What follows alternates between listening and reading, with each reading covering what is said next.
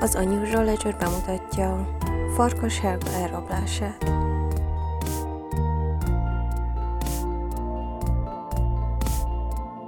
Farkas Helga elrablására 1991. június 27-én csütörtökön került sor Orosháza és Szeged között a 47-es úton.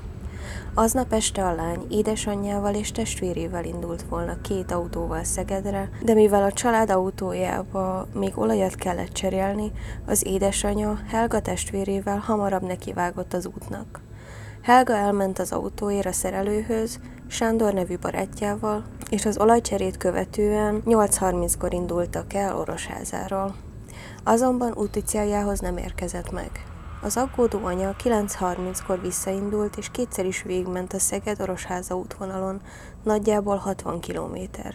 Hát, ha a lányát baleset érte. Mivel ennek nem látta nyomát, értesítette a rendőrséget. Az ezt követő események igazolták az utókor számára, hogy Helga eltűnése tulajdonképpen a legújabb kori Magyarország első ember rablása volt. Korábban hazánkban nem követtek el ilyen jellegű bűncselekményt, vagy legalábbis nem ilyen szervezetten. Az emberrablás csak 93-ba került bele a büntető törvénykönyvben, sem pedig a rendőrség nem volt felkészülve rá. Az emberrablók 91. június 27-én és június 30-a között 14-szer telefonáltak a szülőknek, és 500 ezer német márkát követeltek Helga szabadságáért, ami a kori értékben nagyjából 21 millió forintot jelentett. Ez az összeg körülbelül 250 millió forint körül lehet most. Az első telefonhívásra június 27-én éjfél körül került sor. Mivel mobiltelefon még nem volt, vezetékes telefont még Helga testvére vette fel, tekintve, hogy az édesapa is csak később ért haza a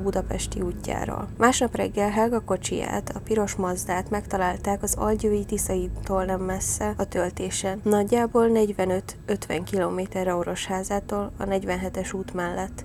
Ezt követően a rendőrség is aktívan bekapcsolódott az ügybe, és rögzítették az emberrablók további hívásait. A telefonáló minden egyes alkalommal suttogva beszélt, ezért el is nevezték a suttogónak. Azonban egyszer hibázott, és nem sikerült megfelelően elváltoztatni a hangját. Az utolsó hívásra június 30-án hajnali 2.20-kor került sor, és bár addigra többször megegyeztek a pénz átadásában, a találkozóra mégsem került sor. Valószínűleg azért sem, mert június 28-ára már az országos sajtó is felkapta az ügyet, és az is köztudomású lett, hogy a rendőrség is megkezdte a nyomozást. Ennek megfelelően a suttogó az utolsó hívás alkalmával ingerülten utasította az apát, hogy fejezze be a kis trükkjeit, és vonja vissza az akciócsoportot. Akkor még azt mondta, hogy másnap este hétkor megtörténhet a csere, soha többé nem jelentkeztek, és Helga sem került elő többé. A rendőrség látókörében már június 29. napján bekerült Csapó József és Juhász Benedek. Az egyik tanú kihallgatás alkalmával ugyanis Helga egyik barátnője elmondta, hogy pár nappal korábban, június 24-én, amikor Helga a testvérével Orosházáról ugyancsak Szegedre tartott, a két férfi egy ladával követte őket,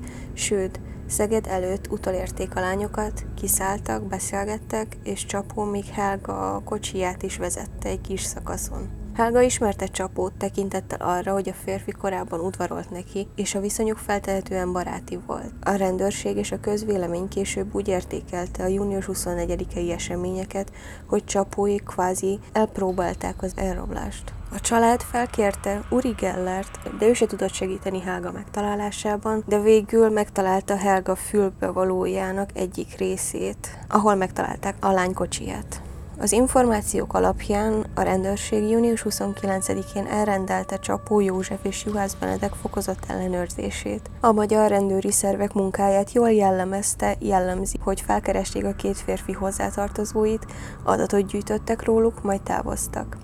Ennek eredményeként csapóik megtudták, hogy a rendőrség érdeklődik felőlük, ezért június 30-án hajnalban, pontosan aznap, mikor az, el, mikor az emberrablók utolsó hívására sor került, megjelentek orosházi rendőrkapitányságon, hogy tisztázzák magukat. A kapuban posztoló rendőr azonnal elküldte őket azzal, hogy a szegedi rendőrök már elmentek. Több száz kihallgatott tanú és több ezer bejelentés ellenőrzése és számtalan nyomozási cselekmény ellenére hivatalos nyomozás 92. február 27-én felfüggesztésre került, tekintettel arra, hogy a bűncselekményt elkövető személy kiléte ismeretlennek bizonyult. Tudni kell, hogy a nyomozás 91 személyi szabadság megsértése és zsarulás miatt indult, és a felfüggesztett ügy, ha csak nem történik valamilyen érdemi eljárási cselekmény, a büntetéstétel felső határában meghatározott idő elteltével elévül. Hú, erre azonban nem kerül sor, mert a 90-es évek közepén, 95. április 5-én Balul sikerült egy kecskeméti elrablás, és a rendőrség az újságokban üzent Juhász Benedeknek, mint feltételezett tettesnek, hogy tegyen vallomást. Juhász azonban nem jelentkezett. 1995. augusztusában a Pánkotai Állami Gazdaság Szentes környékén Kaján falu melletti csatornájából került elő Juhász holteste, hátulról lőtték fejbe öt alkalommal. Az orvos szakértői jelentés szerint 1995. áprilisa óta lehetett halott. A gyanú csapóra, mint Juhász Benedek korábbi tettestársára terelődött. A rendőrség úgy vélte, hogy a sajtóban közzétett vádalkú lehetősége okozta Juhász halálát, akit Csapó eltett lábalól, nehogy vallomásával bemártsa. Juhász temetését követően a rendőrségen megjelent a felesége, aki tanúként elmondta, hogy elhunyt férje többször beszélt neki Farkas Helga elrablásáról, így három és fél évvel a felfüggesztést követően a nyomozást újra folyamatba helyezték. Érdemes megegyezni, hogy az ilyen esetekben az elévülés megszakad, és a nyomozás ismételt felfüggesztésével vagy megszüntetésével újra kezdődik. Juhászné vallomása szerint a férje és Csapó József a 47-es út hódmezővásárhelyi szakaszán állította meg Helgát, majd egy orosházi garázsba vitték, ahol egy szerelő aknába tartották megkötözve. Mikor látták, hogy a zsarolásból nem lesz semmi, Csapó zsákot húzott a lány fejére, és egy zsineggel megfojtotta. A holttestet egy használaton kívüli orosházi csatornába dobták. Mivel féltek, hogy valaki esetleg felfedezheti, egy évvel később visszamentek maradványokért, és egy gádoros közeli erdőben elégették azokat. A nő vallomása mellett bizonyító erejű volt a suttogó hangja is. Helga apja, aki maga is ismerte csapót, a hívásokat követően felismerni vélte a férfit a suttogások ellenére, és a rendőrség által hangfelismerő programnak köszönhetően az egy alkalomnak, amikor a telefonáló hibázott, 90%-os biztonsággal azonosította a zsarolóban Csapó Józsefet. Csapó több más bűncselekmény miatt is bíróság elé állt, például a csorvási OTP vagy egy kecskeméti vállalkozó kirablása, és hosszas jogi húzavona, tárgyalások, ítélet, fellebbezés, új ítélet után özbüntetésként 10 évet kapott. Farkas Helga vonatkozásában a bíróság bizonyítottnak látta az emberrablást, de mivel az elkövetéskor nem volt ilyen bűncselekmény, személyi szabadságkorlátozást és zsarolást róttak a terhére. De a lány meggyilkolásában holtest híján nem találták bűnösnek. Juhász Benedek meggyilkolásában szintén felmentették. Itt a bíróság nem látta kétséget kizáróan bizonyítottnak, hogy ő húzta meg a ravaszt. A férfi jó magaviselet miatt 2006-ban 6 év után szabadult tekintettel arra, hogy farkassága vonatkozásában soha nem indult emberölésben nyomozás.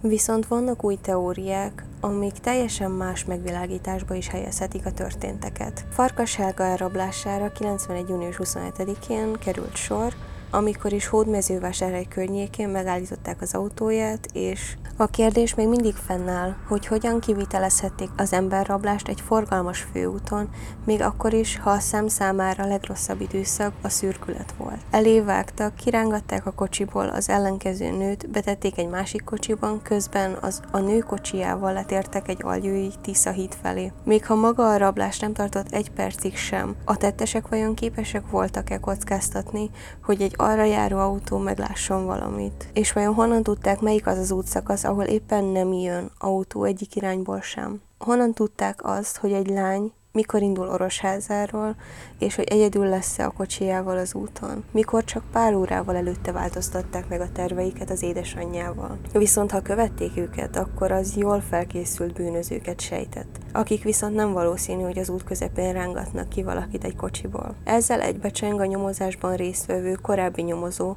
Palatinus Gábor véleménye is, aki szerint Helga elrablására már Orosházán sor kerülhetett.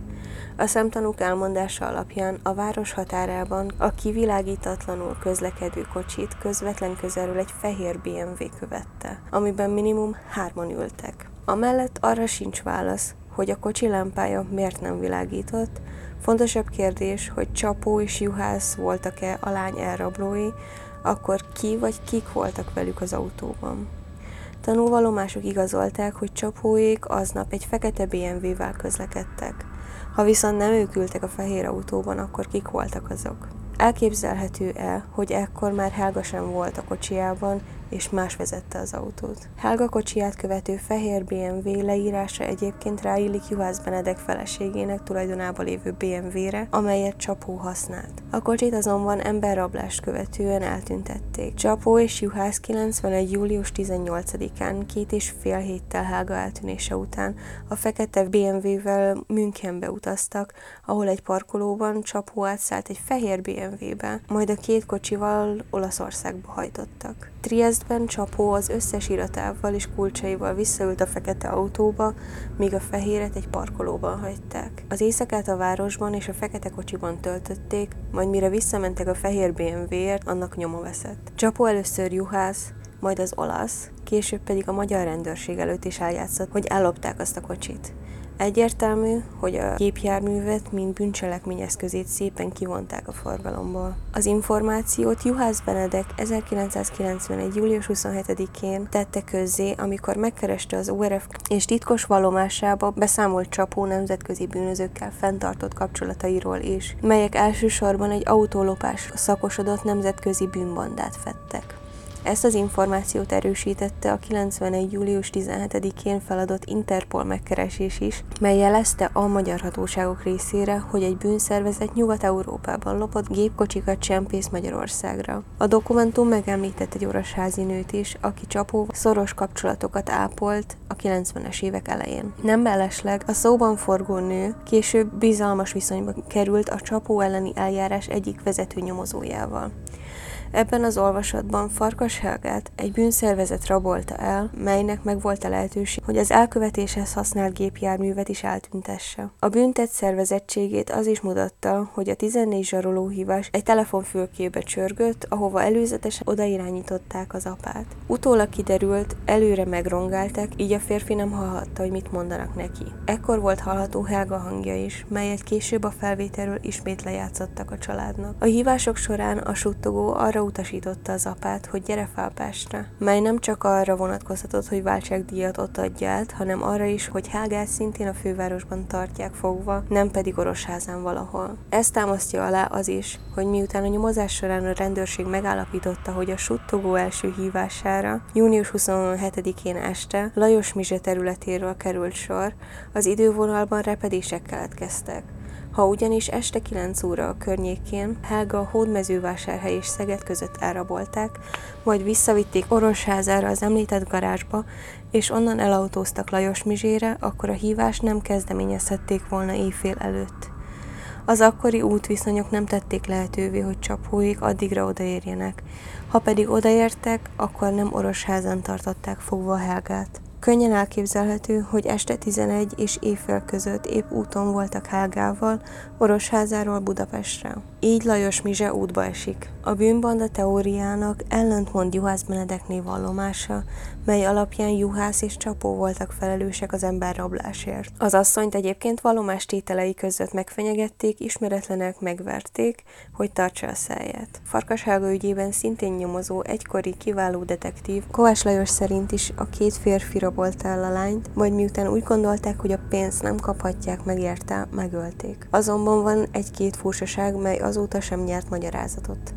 Helga kocsijának vezető ülése 180-185 cm-es emberre volt beállítva a megtalálásakor, és a kocsi mellett találtak egy 44-es lábnyomot. Sem csapónak, sem juhásznak nem volt ekkora lába. Valamint találtak a visszapillantó tükrön egy máig ismeretlen eredetű tenyérlenyomatot.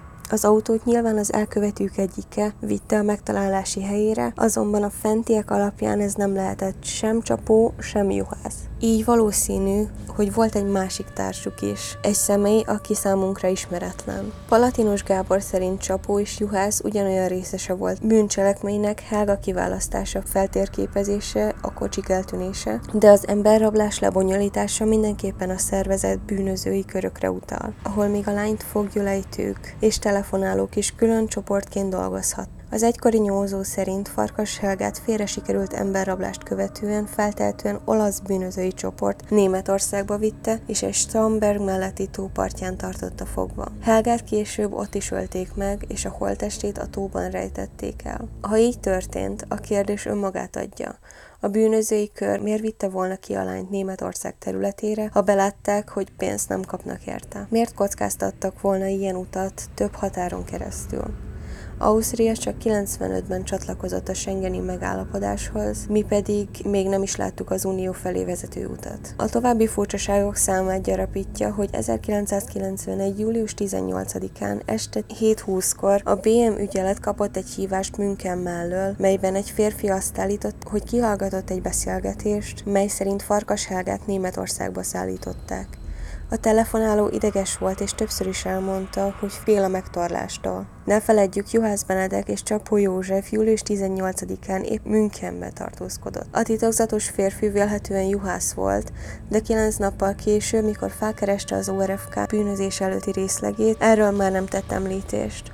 Elképzelhető, hogy annyira félt az elkövetőktől, hogy még valomástételkor is csak közvetetten próbálta csapót gyanú keverni. A rendelkezésre álló bizonyítékok alapján elképzelhető, hogy Farkas Helgát már Orosháza belterében árabolták, majd a tettesek egyike átült a lány kocsiába, társai pedig a fehér BMW-vel követték és Szeged felé indultak. A Tisza hídnál elhagyhatták a kocsit, majd Lajos Mizsén át Budapestre autóztak. Miután rájöttek, hogy a rendőrség és a sajtó is rajta van az ügyön, belátták, féltek, hogy pénzt nem fognak látni a bűncselekményből, azonban a lebukásukat sem akarták kockára tenni Hága szabadon engedésével.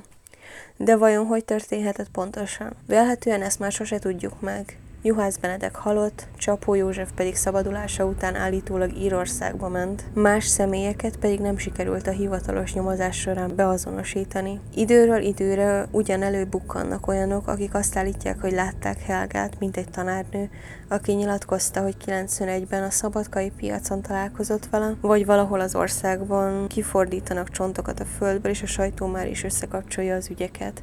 Az igazság azonban nem adja könnyen magát, és bár a család mindent megtett éveken át, hogy meglelje a válaszokat, csak remélni tudjuk, hogy ez egyszer sikerülni fog. Köszönöm, hogy velem tartottatok ebben a részben is, iratkozzatok fel, kövessetek minket, kommentáljatok, küldjétek be a saját sztoriaitokat. Tartsatok velünk jövő héten is, kedden és csütörtökön. Sziasztok!